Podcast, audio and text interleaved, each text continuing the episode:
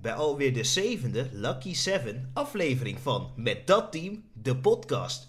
Waarin ik, Dylan en natuurlijk Guus het gaan hebben over voetbal. En normaal vraag ik aan Guus, Guus, hoe was je weekend? Dus Guus, hoe was je weekend? Ja. Gewoon prima, lekker uh, EK gekeken. Zijn we inmiddels bij de volgende wedstrijden gekomen. Zeker. Dus eigenlijk hebben we geen weekend gehad tussen de vorige aflevering en deze aflevering. Dus gaan we eigenlijk doorpakken met waar we al waren. Want we hebben net de kwartfinales gehad. We zijn net nu. Uh, net hebben we de halffinales helemaal afgekeken. Net Engeland gekeken. Daar gaan we het zo over hebben. En nu gaan we natuurlijk eerst beginnen met onze nieuwe rubriek. Wat we toen de vorige keer ook al hadden. De transferzomer. De Schuus. Neem ons mee. Ja, we hebben natuurlijk uh, het uh, Franse talent Kamavinga van Stade Die kan voor zo'n 30 miljoen naar een andere club. En Manchester United is wel geïnteresseerd. Zeker, het lijkt mij wel een hele mooie aankoop. Vooral zo'n jonge verdedigende middenvelder die Frans is. Uh, de Franse connectie wordt bij Manchester nu wel heel groot. We gaan zo nog meer Franse jongens misschien naar Manchester gaan. Maar echt waar, als dit kan gebeuren, lijkt me dat geweldig. Maar er was nog groter nieuws deze week. Want Barcelona is opgedragen door de La Liga dat zij geen spelers mogen inschrijven. Ik schrik er een beetje van. Ja, eigenlijk de nieuwe jongens. En uh, Messi wordt ook als een nieuwe jongen gezien, want hij is uit contract en ze gaan we opnieuw contracteren. En dus dat zou betekenen dat Memphis, Messi, Aguero, Eric Garcia en Emerson uh, dus niet mogen ingeschreven worden voor La Liga. En dat betekent dus ook dat ze niet kunnen gaan spelen. En ze moeten dus uh, gaan bezuinigen met andere spelers, gratis de deur uit doen, zodat ze in ieder geval ruimte hebben in het salaris gebeuren. Zeker. En dan heb je nog een paar jongens die natuurlijk een geweldig seizoen hebben gedraaid. Samuel Umtiti, waar niemand voor warm loopt. Uh, Miralem Pjanic, waar niemand voor warm loopt. Je hebt Felipe Coutinho, die misschien nog wel voor een transferbedragje weg kan. Hè? Voor wat meer dan 120 miljoen natuurlijk gekomen naar Barcelona. En ja, waarschijnlijk zo meteen voor 30 miljoen op te halen bij de uitverkoop. Uh, en ze praten zelfs over een vertrek van Antoine Griezmann. De Grisi. Grisarizou. Wat ja, vind je daarvan? Ja, van de twee Fransmannen schokken wij net zelf ook nog dat ze zoveel verdienden. Want een uh, eh, 20 miljoen voor om Titi is best veel. Dan denk je, ja, uh, Griezmann die verdient eigenlijk wel 20 miljoen, dat is wel zat. Die verdient dus 34 miljoen. Ja, het is ongelooflijk. Ja, het, het, mooie aan de vorige voorzitter van Barcelona was dat hij geld kon uitgeven als water. En je ziet ook dat uh, Messi met hoeveel verdiende die? 150 miljoen bruto volgens mij. Dat, uh, ja, die zat wel lekker. En dan gaat hij ook nog zeuren voor een salarisverhoging ook. Ik moet wat inleveren omdat het corona is. Ik kan bijna de huur niet betalen. Dus geweldig. Maar ik, ik vind het wel een hele mooie gewaarwording uh, ja, bij Barcelona. Ja, Bartomeu gebruikte het salarisbudget als ja, de gemeentepils eigenlijk die we hebben. Gewoon kraan open, hier.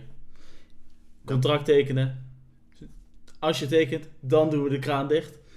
En heel veel spelers wachten heel lang. 34 miljoen voor Griezmann en 20 miljoen voor Omtiti is gewoon uh, veel te veel. En die jongens denken vast ook wel, ik zit eigenlijk wel lekker hier. Ja, zeker. Ik moet heel eerlijk zijn. En dat is ook als we terugkijken naar Vincent Bogarde. Ooit bij Chelsea, dat hij ook lekker bleef zitten voor het geld.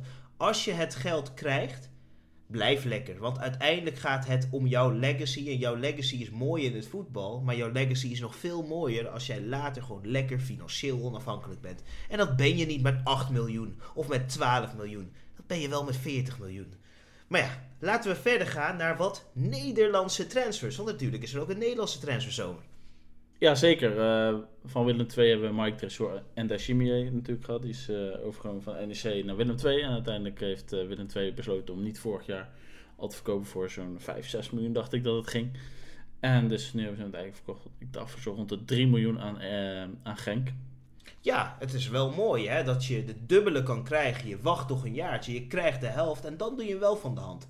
Was het niet slimmer geweest voor hun om het nog één jaartje um, lekker te laten spelen en nog even een contractverlenging aan te bieden? Nee, ik denk niet uh, dat hij zo is. Ik denk dat die uh, jongen gewoon heel graag weg wilt. Uh, we kennen hem natuurlijk ook een beetje vanuit NEC zijnde. En het is dat hij zich nogal moeilijk kan gaan gedragen als de club hem geen transfer gunt. Dus ik denk dat hij nu al weg moest, wil, wilde Willem II nog wat aan hem gaan verdienen. Ja, ik vind het wel een slimme transfer voor hem. En als wij toch blijven in het de derby van, eh, van Brabant natuurlijk. Want er is maar één derby in de, hele, in de hele provincie. Dan gaan we even naar NAC Breda. En dan heb je de zoon van die ene man die altijd geknipt wordt door zijn vrouw. Zo ziet hij eruit. Zo van Pierre. Ja, het, was al, het scheen er al een beetje door dat hij naar Italië zou gaan, Sidney van Hooijdonk. Uh, en uiteindelijk is het uh, Bologna geworden. Dat lijkt me een uh, prima stap voor hem. Zeker aangezien hij gewoon promoties misgelopen met NAC. En dat hij toch nog een mooie transfer kan maken naar de Serie A. Dat ik toch wel bijzonder. Ja, ik las dan daar weer over dat Bologna zegt... ja, misschien denken we erna om jou meteen te verhuren. Dan denk ik weer van, ja, waarom ga je dan naar die club toe? Ga dan naar een club toe waar je gewoon daadwerkelijk gaat spelen... daadwerkelijk die minuten gaat maken. Want als jij zo meteen meteen weer verhuurd wordt ja, ben jij dan degene waar ze dan nu al heel veel vertrouwen in hebben? Of is dat een makkelijke aankoop die in de zomer, of juist in de volgende zomers die eraan komen, juist dan heel veel waarde gaat creëren? Ja, ik weet niet. Ik, ik heb nog niet zoveel kennis van de Serie A, moet ik uh, eerlijk zijn. Dus ja, ik ben benieuwd of die uh, aan spelen toekomt. En anders uh, zie ik toch wel heel snel weer terugkeren naar een, of een tweede competitie voor een tweede Bundesliga of toch weer de Eredivisie. Ja, ik weet één ding over Bologna, dat ze wel een, eh, lekkere spaghetti daar kunnen maken. Dus uh, daar kan ik het ongeveer op houden. Um, dan hebben we nog wat ander nieuws. Hè. We gaan weer naar het internationale nieuws. En dan gaan we naar Milaan, want er gaat iemand vertrekken uit Milaan, wat een oud Real Madrid speler was. Natuurlijk, we hebben het over Ashraf Hakimi. Ja, Inter uh, heel veel spelers eigenlijk verkopen van het kampioensteam. Om uh, zo weer uh, financiële ruimte te creëren. Daardoor is uh, Conte ook weggegaan bij de club. En nu verlaat dus Ashraf Hakimi de club. Voor zo'n 65 miljoen, heb ik me laten vertellen. Zeker, ik hoorde ook weer een gerucht dat ook Lukaku het veld mag ruimen. En dat misschien Chelsea daar weer interesse in heeft. Dus het is ook wel heel leuk dat Lukaku eigenlijk terug gaat keren. Misschien wel op zijn oude nest. Misschien kan hij daar wel een keer waarmaken waar hij ooit onder Mourinho weg moest. Ja, dus het is echt maar, een mooie cirkel. Maar als je hem ook ziet rondlopen daar op het EK, wat is het toch een monster ook. Ja, het is wel een uh, jongen dat uh, als je hem als verdediger tegenkomt, dan denk je wel van nou, twee benen op de enkel, dan breek ik mijn eigen enkel. Dus uh, niet, niet, fijn om tegen je over je te hebben, maar laten ja, we heel je, je zijn. Hebt, je hebt het gezien, die Diaz van Manchester City, die ook met Portugal tegen de Belgen heeft gespeeld. Ja, die kreeg Lukaku gewoon niet van de bal. Dat was uh, gewoon ongelooflijk. En hij was gewoon de beste verdediger van de Premier League. In ieder geval, daar is toe uitgeroepen. Zeker. Ik uh, moet zeggen, als Lukaku weer teruggaat naar de Premier League, wordt het wel heel veel interessanter. Nou, kunnen we even retrospectief kijken en dan kunnen we zeggen: was het goed voor Manchester United om hem te laten gaan? Nee. Nee. Dankjewel. Slecht bestuur bij Manchester United natuurlijk. Maar laten we verder gaan, want we hebben nog meer Milanees nieuws. Want er is die andere club uit Milan, die wil een oude vertrouwde kracht ophalen bij Ajax. Ze willen Tadic. Ja, ze willen heel graag Tadic. Alleen uh, Overmars wilde niet aan om uh, zo kort voor de competitie, het is nog zo'n vijf weken geloof ik, uh, dan ja, toch een sterkhouder bij, bij Ajax te laten gaan. Dat willen ze gewoon niet en eigenlijk is een transfer onbespreekbaar. Dat snap ik wel, want uh, wanneer begon de transferperiode? Dat is... Uh... Officieel één week geleden. Precies. En uh, ja, dat is natuurlijk wel heel weinig tijd wat je hebt gehad om zo'n speler te gaan vervangen. Terwijl ik denk, als jij nog nu, laten we zeggen, 10 miljoen voor Tadic kan krijgen. Hij heeft wel een contract tot 2026, dus hij zit nog wel heel lang vast bij Ajax. Hè? Maar als jij nu nog wat geld voor hem kan krijgen met de optie dat hij over drie jaar terugkomt feitelijk een driejarige huur voor een groot bedrag. Waarom zou je dat dan niet doen? Kan je geld ophalen en je kan de jeugd door laten breken. Je hebt toch Berghuis gehaald of je gaat Berghuis misschien halen. Dus je hebt wel wat ruimte over in die aanvallende linie. Want je hebt Anthony, je hebt Neres, uh, misschien komt er toch iemand bij, daar gaan we het zo over hebben. Nou, laten we dat nu meteen meepakken ook. Uh, misschien komt Suleimana misschien wel naar Ajax, wat ook een groot talent is natuurlijk op de vleugel. Dus ja, Waarom heb je Tadic nog extra nodig? Is het alleen de ervaring wat je daar nodig hebt? Ja, om nog even door te gaan met Sulemana. Het gaat bij Sulemana alleen om wat hij wil. Want in principe zijn de clubs eruit. Noord-Zeeland uh, is akkoord gaan met een bod van 15 miljoen van Ajax. Alleen nu eh, Manchester United en staat erin uh, zich melden wil Suleiman toch nog even nadenken van ja, waar wil ik heen? Maar Ajax wilde eigenlijk niet zo lang meer wachten natuurlijk. Zeker, zeker. Want ik denk dat als deze transfer al rond was, dat waarschijnlijk Tadic ook direct kon gaan. Maar omdat dit een beetje doortrekt, ja, dan kan, dan kan Marky Netto ook niet zeggen, we laten die jongen gaan. Dat moet hij ook niet doen. Dus hè, slimme keuze van Ajax om uh, Tadic op dit moment niet te laten gaan. Maar ik moet heel eerlijk zijn, als ze zo meteen komen met een hele grote zak geld, dan weet je zoals iedereen dat Marky Netto heel graag ja knikt. Maar laten we nu hebben over wat eredivisie geruchten, Guus. Want naast de transfermolen die we hebben, de transferzomer waar we in zitten, hebben we natuurlijk ook wat geruchten. En uh, laten we beginnen met eredivisie geruchten. Gooi je wat op? Ja, er zijn natuurlijk wat jongens van AZ die de interesse wekken. Een, uh, een Stenks die eventueel naar een uh, Nice kan gaan in Frankrijk. wie ook naar Frankrijk kan gaan is uh, Myron. Die kan eventueel naar Monaco gaan voor zo'n 14 miljoen. En ja, we hebben nog altijd koopmijners die nog steeds bij AZ zitten. Die kan eventueel naar Atalanta toe. Lijkt me wel een club wat heel erg bij hem past. Ja. Um, het is een beetje, ja, hij kan een beetje de Maarten de Roon zijn. Uh, hopelijk uh, wat beter natuurlijk, maar ook voetballend wat beter. Ik vind zelf, als ik Boadou zie, denk ik van maak eerst nog een binnenlandse transfer. Als hij voor dat geld kan gaan naar Monaco, ja, dan kan je voor 10 miljoen ook naar Ajax met een wat hogere doorverkooppercentage. Dus ik vind dat misschien daar wel wat logischer. Maar ik schrok wel van een van de geruchten en dat was Madueke naar Dortmund. Want Madueke, een van de supertalenten van PSV, die moet jij niet laten gaan. Die jongen moet je nog eigenlijk een vijfjarig contract aanbieden. En hopen dat hij binnen drie jaar echt het niveau behaalt wat ooit Wijnaldum behaalde bij eh, PSV. Ja, wat ik ook hoorde is dat uh, Madueke ook zelf liever nog een jaartje bij PSV blijft om zich nog verder door te ontwikkelen. Want hij heeft natuurlijk ook een blessure gehad uh, gedurende dit seizoen. Waardoor hij toch een minder heeft gespeeld. Terwijl ik jezelf, ja, Madueke, als hij speelt, vind ik hem echt uh, altijd wel goed. Het wel vaak tegen de mindere ploegen natuurlijk. In de topwedstrijden heeft hij het nog niet kunnen laten zien. Dat komt natuurlijk ook een beetje door die blessure. Maar ik hoop inderdaad dat hij gewoon nog een jaartje in de Eredivisie te bewonderen is. En uh, dat we daarna een transfer zien maken naar een goede club. Als hij daar klaar voor is. Want uh, hij moet het natuurlijk wel een heel jaar gaan laten zien. Zeker, zeker, zeker. En ik hoop ook, ik heb hem ooit gezien, ik keek ooit een soort future-achtige cup waar PSV speelde, waar ook Valdes speelde. Uh, dat hij de laatste wedstrijd, volgens mij, was hij ook zo boos geworden dat hij niet met zijn club kwam op, met zijn team kwam opdagen met Barcelona A1. En Madueke speelde daar zo geweldig. En Valdes werd er uiteindelijk uitgekukeld daar bij Barcelona natuurlijk. Want Valdes, ja, verschrikkelijk gek, doorgesnoven gek. Echt niet normaal in zijn hoofd. Maar ik denk wel dat hij de potentie heeft om heel ver te komen. En ik hoop dat hij um, ook blijft ontwikkelen. En ook dat hij dat even blijft doen in een wat kleinere competitie, wat de Eredivisie is. Of zoals Louis van Gaal zegt, een van de top vier competities van Europa is. Louis van Gaal. Uh, maar wat we ook zagen, en dat vond ik wel heel leuk, was Veerman. Ja. niet. De Henk. Joey Veerman uh, is natuurlijk een paar jaar geleden, volgens mij twee jaar geleden, overgekomen van Volendam. Uh, ja, speelt eigenlijk altijd wel een uh, voldoende bij Herenveen. gewoon heerlijke dribbelaar en gewoon keurige passing. Soms zelfs briljant. En ja, Feyenoord zit al een tijdje aan om te trekken. Maar nu komt ook Hellas Verona om de hoek kijken.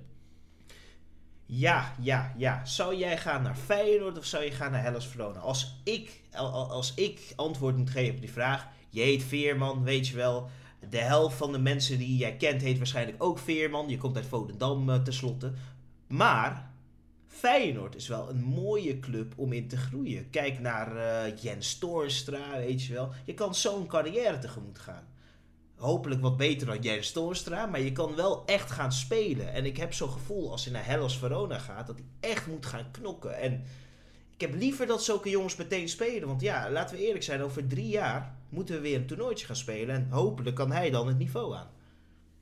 Ja, dat denk ik ook wel. Ik denk alleen dat uh, de stap naar Feyenoord wat minder aantrekkelijk is als de, de laatste jaren. Want uh, is toch gewoon een beetje in verval. Uh, ze gaan nu Berghuis kwijtraken, dus uh, ze moeten echt gaan strijden voor een top 4 plek. En een Hellas Verona is natuurlijk uh, gewoon een ploeg in de geweldige competitie, de Serie A, die we natuurlijk ook in de podcast gaan bespreken. En het zou toch mooi zijn als we een extra Nederlander daar hebben, zodat we die er ook eh, kunnen aanhalen. Maar ja, het is altijd aanlokkelijk om naar zo'n grote competitie te gaan. En eh, Feyenoord eh, moet echt weer gaan bouwen. En dat is misschien wat lastig. En dat eh, is misschien ook de overweging dat hij niet per se eh, de Conference League eh, in gedachten had als hij Europees zou gaan spelen. Nee, en ik denk wel, want hoe, hoe, hoe, hoe hoog eindig je met Hellas Verona? Ja, slash tegen degradatiestrijden. En als je het goed doet, eh, dan tik je net het linkerrijtje aan. Precies, dus wil jij dat gaan spelen? Kijk, bij Feyenoord is wel zo dat je minstens 70% van je wedstrijden kan je gewoon makkelijk lekker spelen. Speel jij op de helft van de tegenstander. Behalve als je speelt om de dik advocaat natuurlijk, maar anders speel je op de helft van de tegenstander. En ik denk niet dat hij klaar is om alleen maar achter de bal aan te rennen. Want zoals bij Herenveen wordt er wat leuker voetbal gespeeld. Dus ik, ja, ik verwacht of ik hoop voor hem dat hij de juiste keuze maakt en niet gaat naar Hellas. Maar als hij daar kan doen en hij kan echt ontwikkelen, dan ben ik er helemaal voor. Kijk maar naar De Roon, die heeft zich ook ontwikkeld, blijkbaar. Dat, zie je niet bij het Nederlands elftal. Maar bij, bij Atalanta is het blijkbaar een onmisbare kracht. Dus hè, top. Ja, ik ben eh, vooral benieuwd hoeveel geld er overgelegd wordt. Want ja, ik, ik hoor bedragen van dat Heerenveen 10 miljoen wilt. En ik denk niet dat Feyenoord dat gaat betalen. Ik denk dat Feyenoord echt max eh 5 of 6 zou eh, kunnen betalen. En Hellas Verona heeft misschien die middelen nog wel. In, in een grotere competitie heb je natuurlijk ook hoge eh, vergoedingen voor de, TV, voor de tv-gelden. Dus ja, ik denk dat Hellas Verona ook wel een grote kans hebben is voor, eh, voor Veerman. Aangezien ja, ze ook meer kunnen gaan betalen. Zeker. Ik, eh, ik denk dat ook Veerman ook gewoon het beste moet kiezen voor zijn eigen portemonnee. Dus als En- dat meer oplevert, doe en dat. ik hoop dan voor Heerenveen dat ze dan gewoon wel een kwaliteitsinjectie doen. Want ja, ik heb er niet zo hoog pet op eh, van Heerenveen de laatste jaren eigenlijk onder eh, Johnny Jansen. Nou, dan moeten ze de kwaliteitsinjectie die ze moeten doen met het geld wat vrijkomt, is ze natuurlijk een nieuwe coach halen. Dat lijkt mij eh, stap 1. En dan stap 2 is wat leuke, ja, laten we het gewoon zeggen, wat leuke jongens uit Scandinavië halen. Dat doen ze daar volgens mij nooit, hè? Of is, oh ja, wacht, wel. Dat is gewoon één grote enclave van Scandinavische jongens en dat moeten ze ook weer doen. Maar goed, dan hebben we nog één eredivisiegerucht. Ja, zeker. De beer. De man die, wat is hij, 2 meter 6 of zo. De reus. De keeper van Jong Oranje. De man die het daar geweldig heeft gedaan. We hebben het over Big Kjell Scherpen. En wat zegt dit gerucht? Dat hij misschien wel naar Brighton en Hove Albion kan. Ehm, ja, het zegt heel veel. Het is een heel sterk gerucht, moet ik zeggen. Want hij, is gewoon het, eh, heeft het trainingskamp van Ajax verlaten. Om eh, ja, te gaan praten over deze transfer in Engeland. En ik denk dat dit eh, er wel doorheen gaat komen. Ik snap eigenlijk niet waarom zou Brighton hem halen. Want ja, ik ben nooit echt kapot geweest, van uh, Kjell Scherpen. Hij heeft een goed seizoen gehad bij FCM. Jong Oranje heeft hij leuke wedstrijdjes gekiept. Maar dat is het ook eigenlijk wel. Want hij heeft eigenlijk persoonlijk ervoor gezorgd dat tot AS Roma door is gegaan uh, ten koste van Ajax en Europa League. Ben ik het niet mee eens. Uh, volgens mij heeft Tadic uh, hoogstpersoonlijk ervoor gezorgd dat de AS Roma is doorgegaan. Door de, die penalty te missen natuurlijk. Maar wat ik wel denk bij Kjell Scherpen is... Kijk, hij kan niet voetballen hè. Dat, in principe kan je dat nog leren op de leeftijd wat hij is. Misschien niet, maar je kan wel een beetje leren voetballen. Maar hij is zo groot. Dus als een bal in de hoek gaat en hij springt, dan, dan staat er ook iemand. En ik denk dat Scherpen, vooral voor de Premier League, daar hoef je niet te kunnen voetballen als keeper. Hou eens op. Dan kan je gewoon lekker een balletje wegschieten en dan maakt het allemaal niet uit, joh. En dat is het mooie van Scherpen. Als hij het daar kan opbrengen om daar beter te leren voetballen, een klein beetje, en nog beter te leren keepen, dan hebben we een hele goede keeper voor Oranje voor de volgende tien jaar. En dan hoeven we niet een, uh, een man hoog in de 30 terug te halen om het te verpesten voor ons in Budapest natuurlijk. Uh, maar laten we overgaan naar de internationale transfergeruchten. Want misschien krijgen we niet één clown Neymar bij PSG, maar misschien wel twee Braziliaanse clowns. Vinicius Junior wordt gelinkt aan uh, PSG. Uh, ik vind dat een hele rare gerucht. Vooral omdat ik, ja, ik denk vooral dat uh, Real bezig is met een salarishuis wat leeg te maken. Want zij willen Kylian Mbappé halen. Die moet 100 miljoen kosten, ja, waarschijnlijk 200. En ik denk dat ze hem als ruildeal willen aanbieden, weet je wel. We nemen hem mee, want uiteindelijk moet er gewoon veel gebeuren daar bij Real. Waarschijnlijk moeten er ook wat jongens weg. Hè? Als we erover nadenken, moeten we sowieso Varaan gaan verliezen. Want dat is die andere transfer waar ik het over had, die misschien naar Manchester United gaat. 40 miljoen voor Varaan. En ze zitten misschien wel in een afrondende fase. Dus ik hoop dat snel uh, deze transfer beklonken kan worden. Uh, Eden Hazard natuurlijk, ook wel Mr. Quick. Uh, bedoel ik de, natuurlijk de Belgische fastfoodketen Quick mee. En ook en dat vind ik een hele interessante. Misschien willen ze Martin Eudegaard aan gaan bieden. Wie moet hem kopen? Wie Eudegaard moet kopen? Ja. Ja, ik zou gaan voor een, uh, een subtopper in een topcompetitie. Ik hoop zelf hè, dat uh, hij nog één jaartje Eredivisie gaat spelen. Dus één jaartje Ajax of wat dan ook. Dat zou voor hem goed zijn even Champions League spelen en dan doorpakken naar een grotere club. Laten we zeggen een, uh, een Manchester City of wat dan ook. Ja, dat gaat hij niet meer doen, denk ik. Ik denk dat hij wel gewoon in een uh, topcompetitie wil gaan uh, acteren. Maar om nog even terug te komen op je andere transfers, vooral die van Vinicius en Pogba. Ik vind Vinicius vind ik nog weinig indruk maken bij Real. In ieder geval nog te weinig naar het groene talent dat hij schijnt te hebben. En ik vind het een beetje raar dat, uh, ja oké, Frankrijk heeft teleurgesteld dit EK. Daar zijn we het wel over eens. Maar aan wie het niet heeft geleden, gelegen, dat was toch Paul Labiel Pogba. Nee, die knal die hij gaf uh, en toen hij scoorde, dat was zo verschrikkelijk mooi. Uh, dus denk ik. Ja, maar niet, niet, alleen, hij... niet alleen dat. Want, nee, nee, nee. want, nee, nee. Ik, wil, ik, wil, ik wil even zeggen. Ik denk niet dat hij weg wilt op dit moment. Maar hij wil gewoon meer geld hebben. Maar er is een gerucht natuurlijk dat hij kan gaan naar Paris Saint-Germain. Ja, dat is een gerucht. Ik heb dat uh, zelf nog niet vernomen. Wat ik er wel heb vernomen is dat hij eventueel een ruil doen met Varaan. Uh, waarop betrokken die dan naar United zou gaan trekken. Vind ik wel raar hoor. Want dan zou hij naar PSG gaan of naar Real Madrid. Maar ja, als jij hem betrekt in een ruildeal dat is 40 miljoen voor Varaan. En hoeveel moet er dan terugkomen voor Pogba? 190 miljoen of zo? Want die is ongeveer evenveel waard als elke basisspeler bij elkaar van Real Madrid op dit moment. Daar maak ik niet een grap over. Want Kroos is misschien nog 15 miljoen waard hè, op zijn retour. Modric misschien ook 15 miljoen op zijn retour. Benzema. Ja, eh, weet niet of je criminelen wilt aantrekken in je team. Maar ja, als je dat wilt, zou dat top zijn. Verdediging. Ramos is al weg. Ja, Militao moet het laten zien. Maar die is er nog eigenlijk niet klaar voor. Uh, rechtsback en Dani Carvajal. Uh, enige goede die ze hebben is eigenlijk Mandi. Maar die is gewoon vaak geblesseerd. Ja, Courtois kan je nog zeggen uh, dat, dat hij nog prima heeft. Maar Courtois, je bent uitgeschakeld bij het EK. Lekker voor je. Lekker voor je. Lacherig doen over die Hollandertjes. Hè? Nou, Hollandertjes zitten even ver thuis als dat jij thuis zit, jongen. Lekker thuis. Maar uh, Guus, ik denk dat we even dit rubriekje gaan afsluiten. En we natuurlijk doorgaan naar waar we al drie weken naar kijken. Het EK voetbal. Ja, we hebben natuurlijk al allereerst de wedstrijd tussen Italië en Spanje gezien. Uh, de eerste helft heb ik me laten vertellen, want de eerste helft heb ik moeten missen vanwege mijn late dienst. Maar uh, die was een potje saai. Ik, uh, ik vond het niet veel. En uh, weet je waarom ik het niet veel vond? Is dat uh, wij praten het hele toernooi al Italië is zo geweldig en Italië is zo goed en oh Italië, oh, oh, oh. Weet je wel, we zijn allemaal aan het kwijlen over Italië alsof we kijken naar de Italiaanse keuken. En ehm, als we hebben over Bologna, dan snap ik het nog wel. Weet je wel, een lekkere bolognese, altijd goed. Maar als we het hebben over het Italiaans voetbal tegen die echt grote ploegen die ook beetje kunnen voetballen is het niet zoveel.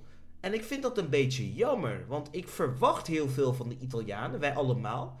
Maar Spanje was voornamelijk aan de bal. Spanje was voornamelijk aan het spelen. Alleen Spanje kan niet creëren om te scoren. En dat is hun probleem. Zo, zo gaat het toch wel het hele toernooi met Spanje. Want ze zijn elke wedstrijd gewoon vele malen beter. Want ze hebben gewoon telkens 60% balbezit als het niet meer is. En je hebt natuurlijk uh, gewoon het feit dat ze een uh, spits hebben. Ja, Morata kwam uh, dit keer vanaf de bank pas. Zeker. Uh, maar ja, ze hebben eigenlijk geen echte afmaker die heel makkelijk goals kan maken. Nee, ja, Morata kwam erin eh, hè, nadat eh, een prachtige goal was gevallen, vond ik zelf, van eh Chiesa. En eh, Morata komt één op één, maakt een geweldige treffer. Hij paast hem in de linkerhoek en Donnarumma dacht, weet je wat, ik spring wel... Nee, hij, hij paast voor hem in de linkerhoek. En Donnarumma dook gewoon de andere kant op. En ik dacht van Donnarumma, ja, waarschijnlijk wilde je... Hè, je wilde niet dat hij bedreigd zou worden. Dus ik vond het een mooie geste. En ik zag al aan Morata, die gaat het nog wel goed maken. Toen kregen we de penalties. Sorry. Wat verschrikkelijk. Oh, oh. ja, op oh. zich, ja, de, we- de hele wedstrijd eh aan zich was gewoon, eh, ja, gewoon wat matig voor een halve finale. Het was geen goede, goede wedstrijd, maar dat eh, krijg je vaker aan het van het einde van de toernooi als je gewoon gelijkwaardige tegenstanders gaat treffen. Zijn de wedstrijden misschien iets minder goed, iets minder eh, spektakel. Maar goed, eh we kwamen uiteindelijk bij de penalties, zoals je al zei. En ja, ze misten allebei de eerste.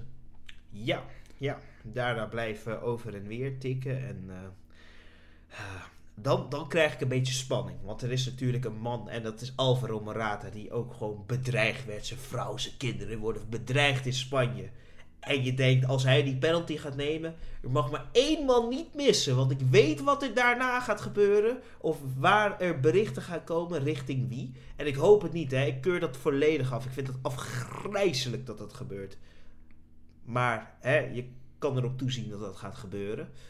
En dan denkt hij, ik schiet hem eh, zo lam rechts onder in het hoekie dat, ja, ik wil naar huis.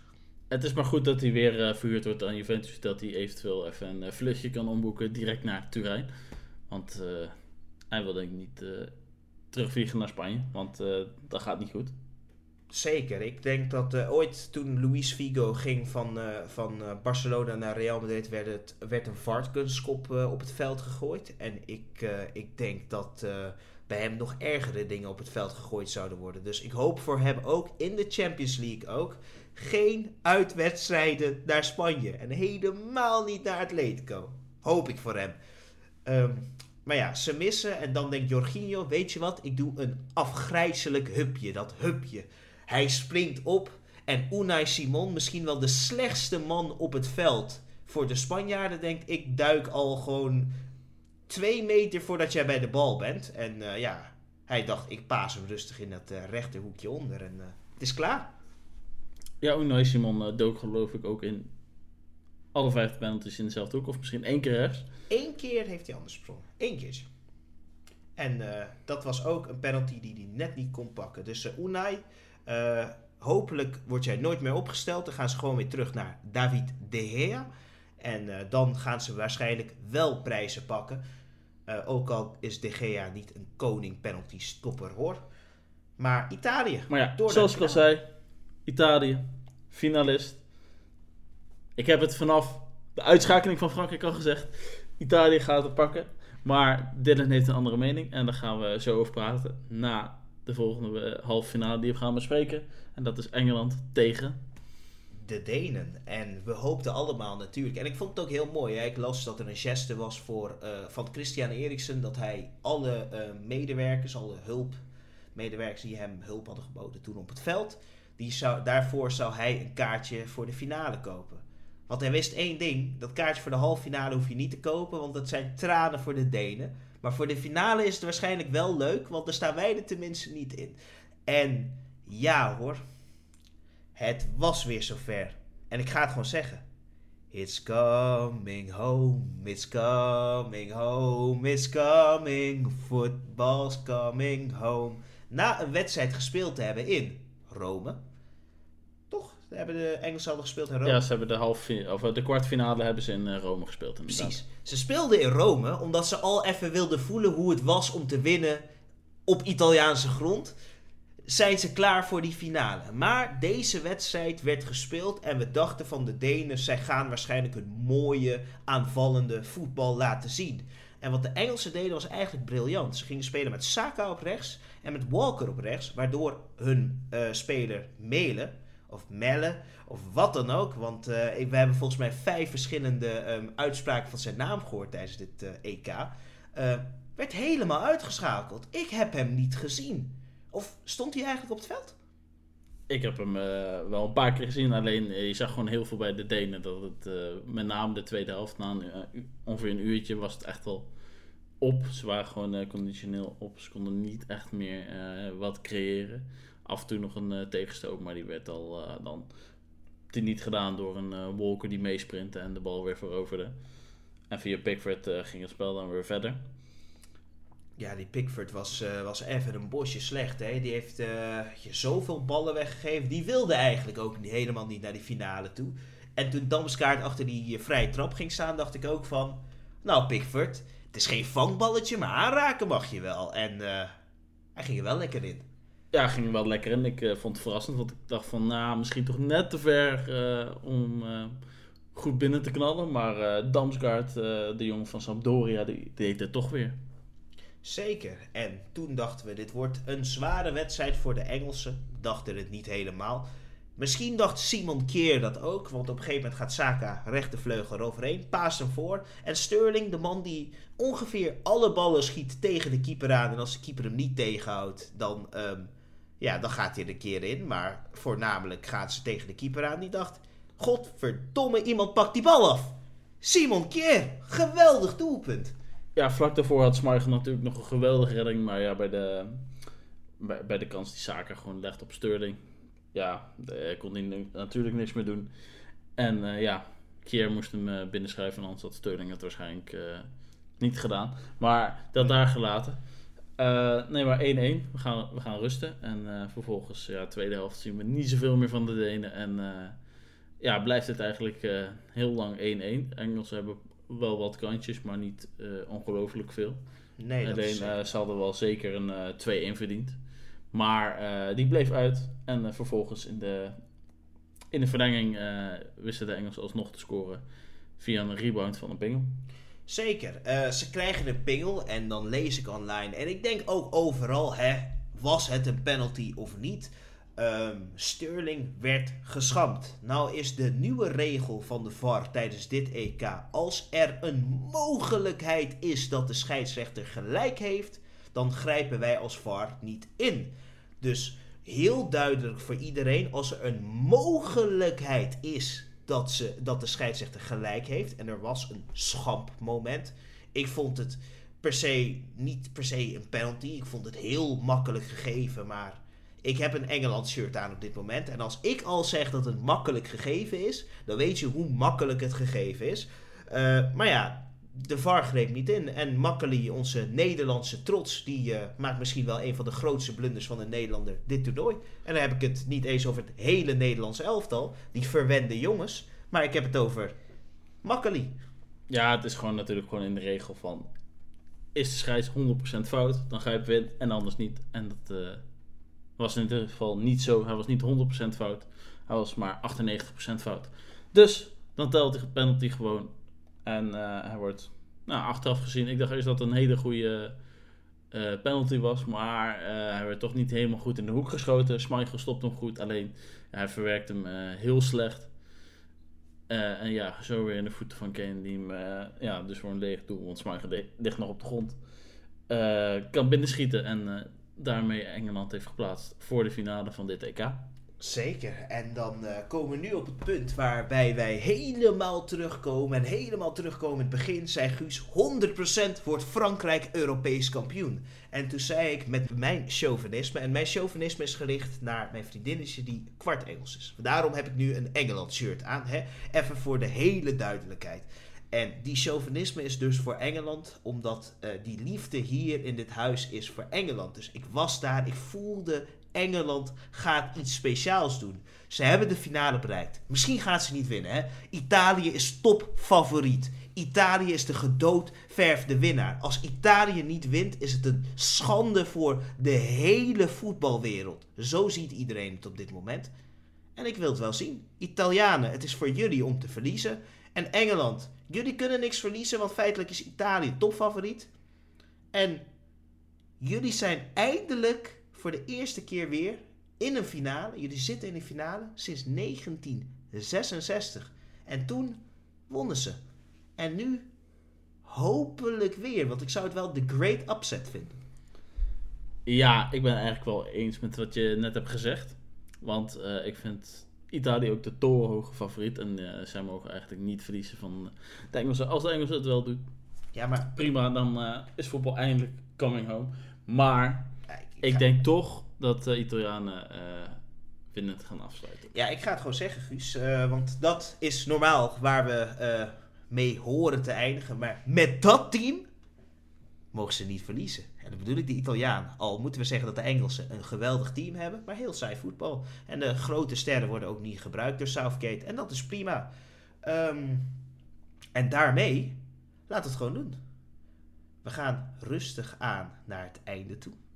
Maar, Dylan, we hebben natuurlijk nog een andere continentale finale die eraan Oh komt. god, ik was het bijna vergeten. Maar ik vergeet het niet, want het is de derby waar iedereen op wachtte. Het is Neymar tegen Lionel Messi. Het is Brazil, Argentina. De strijd om de Copa America. Ja, de, de Brazilianen hebben natuurlijk gewoon een ja, rustig toernooi kunnen spelen. Die hebben alles eigenlijk wel met eh, ja, één hand op de rug, eh, misschien zelfs twee, misschien nog een been erbij. Hebben ze eigenlijk, eh, eigenlijk gewoon gewonnen. Zeker en, met één been op de borst gewonnen. Dat, dat durf ik wel te zeggen. Nee, dat was het gezicht. Maar nee, de Brazilianen spelen gewoon prima. De Argentijnen heb ik iets minder goed in de gaten gehouden. Want ja, ik ben zelf gewoon een Brazilië-fan, maar dat daar gelaten. En we gaan zien of Messi eindelijk een eh, titel met zijn land kan gaan winnen. Zeker, hij heeft dat natuurlijk ooit wel gedaan met het jeugd-WK. Als we dat mogen meenemen. In Nederland heeft hij ooit zijn enige prijs gepakt met Argentinië. Ook een Olympische Spelen volgens mij. Maar eh het gaat over serieuze prijzen. Hij heeft nu heel veel finales gestaan. Gaat hij de Michael Ballack worden van landenvoetbal? Dat zou toch niet mooi zijn? Maar ik hoop het. Eigenlijk, eigenlijk stiekem wel. Maar dat komt, wij zijn voor Brazilië. Wij gaan ook voor Brazilië. Maar we zullen heel objectief kijken hoe wij, ehm, ja, hoe wij hopelijk Messi's tranen kunnen filmen. Dat zou geweldig zijn. Ja, dat zou mooi zijn, want wij gaan natuurlijk gewoon voor Brazilië juichen, voor Neymar. Je mag ons haten, maar wij zijn altijd eh, voor Brazilië geweest. Niet dat we voor Neymar voor Brazilië zijn. Gewoon vanuit vroeger uit vond ik altijd geweldig om naar Ronaldinho te kijken. Naar een Robinho, wat in mindere mate natuurlijk. En natuurlijk gewoon eh, de oude sterren, eh, Ronaldo Nazario. Zeker. Dus da- daar willen we gewoon weer terug. We willen gewoon... Nielsen. Eh, Echt, ja, jongens, ze hebben een geweldige elftallen gehad. Echt waar. Dus daarom hè, gaan wij daar naar kijken. En dat zullen wij ook meenemen in de volgende aflevering van Met Dat Team, de podcast. Maar we willen nog even, zoals altijd, even wat mensen bedanken. En Guus, jij mag beginnen. Ja, de jongens van eh Voetbaltrick FC gaan we natuurlijk weer bedanken. We werken nauw met ze samen. En misschien in de toekomst komen ze te gast. Dat lijkt me heel gezellig. volg ze dus via Instagram en volg ook via Instagram voetbalplaneet.nl. Yes, en dan wil ik nog, want volgens mij heb ik dat de vorige keer vergeten. Op Twitch, als je houdt van FIFA. En er komen hele leuke nieuwe dingetjes aan op FIFA 22. Eh, dus hou dat ook in de gaten. Of wij houden dat ook voor jullie in de gaten. Hè? Dat komt er misschien een beetje bij. Maar papa, laagstreepje, M9, de Swedish God. Daar is hij dan. Martijn, die kunnen jullie ook volgen. Lekker op, eh, op Twitch. Super leuk om naar te kijken, super gezellig. En daar zitten wij ook soms bij in de chat om jullie ook te verblijden met onze zinloos en nutteloos commentaar soms. Maar Dylan, ik heb eh, vernomen van jou, eh, vlak voordat we gingen opnemen. Jij kwam met, eh, met een nieuw rubriekje, met drie nieuwe vragen dat we elke week gaan doen. Zeker. We komen met een rubriekje, drie nieuwe vragen. En eigenlijk had ik dit in het begin van de aflevering moeten zetten. Dan maakt het net wat interessanter. Dus ik ga Guus drie vragen stellen. Guus, we gaan mij de volgende keer drie vragen stellen. We gaan de punten bijhouden over hoeveel vragen hij goed heeft. En dan, en ik goed heb natuurlijk. En dan aan het einde van de eerste seizoen, wat ongeveer is bij de winterstop, krijgen we een prijs. En natuurlijk ook een verliezer. En dan gaan we kijken wie gaat het slechtste krijgen en wie gaat het beste krijgen. Dus Guus, ben je klaar voor jouw vragen? Kom Laat- op, met vraag 1. Laten we heel simpel beginnen. Ik heb het gericht op de drie mondiale, of beter zeg, grote toernooien die we hebben. We gaan eerst naar het WK. Allereerste WK. Dat herinner je nog, zeker. Nee, daar was je niet bij. Daarvoor werden de Olympische Spelen gehouden als meest belangrijke ehm, continentale toernooi. Maar daarna was de eerste WK. Wie won de eerste WK voetbal? Makkelijke vraag. Uruguay. Uruguay, zeker. Makkelijke vraag. Oké. En dan willen we natuurlijk doorpakken op een andere makkelijke vraag, Huus. We gaan het hebben over edities Copa America. De Copa America er is best wel vaak gehouden. Maar wat is vaker gehouden? De Copa America of het EK en het WK bij elkaar? Ehm, ja. Ik denk toch de, de Copa, want die, die wordt toch wel eens eh, elk jaar gehouden. Dus ik denk dat die toch nog wel wat vaker wordt gehouden. Dat klopt helemaal. De Copa is zelfs tien keer vaker gehouden dan die twee eh, toernooien bij elkaar. Dat komt omdat het sowieso het oudste toernooi is op de wereld. Hè? 1916, dus het is al heel vroeg begonnen. En eh, is vaak jaarlijks georganiseerd in de beginperiode. En daarna is het een hele rare, eh, ja, rare mix geweest natuurlijk. Nou, de laatste vraag, hè? twee goed. We gaan het hebben over het EK voetbal natuurlijk. Eén vraagje nog te gaan. Hoeveel speelsteden waren er dit EK? Ja, Je vraag mag, je, je mag wat. hardop gaan noemen en dan kunnen we Ehm, ik wil zeggen 12. Dat is helemaal correct. Geweldig, Guus. Je hebt drie vragen goed bij de allereerste keer dat het tegen elkaar staat. De volgende keer mag jij natuurlijk drie vragen bedenken. Of worden ze natuurlijk ingezonden via Instagram. Daar kan je natuurlijk ook eentje uit kiezen. En met dat team, de podcast, gaat hier beëindigen. Ja, wil je mij nog inspireren met je vragen? We willen het natuurlijk komende week het over finales hebben. Dus heb je nou een leuke vraag over finales van de Copa America of het EK? Of misschien zelfs het WK? Kom daar dan mee via onze Instagram. Zeker. Dus als je een leuke vraag hebt over bijvoorbeeld... waarom kreeg Zinedine Zidane een rode kaart? Een hele terechte rode kaart. Hè, was het over iets over zijn zus en zijn moeder? Dat kan het allemaal zijn. Maar dankjewel voor het luisteren naar de zevende aflevering alweer van Met Dat Team de podcast. Jazeker, en dan eh, gaan we de volgende week weer verder. Na de finales gaan we natuurlijk weer nabespreken. En waarschijnlijk nog wat transfers eh, bespreken. En natuurlijk vooruitblikken op de competities die er weer aankomen. Dankjewel Guus.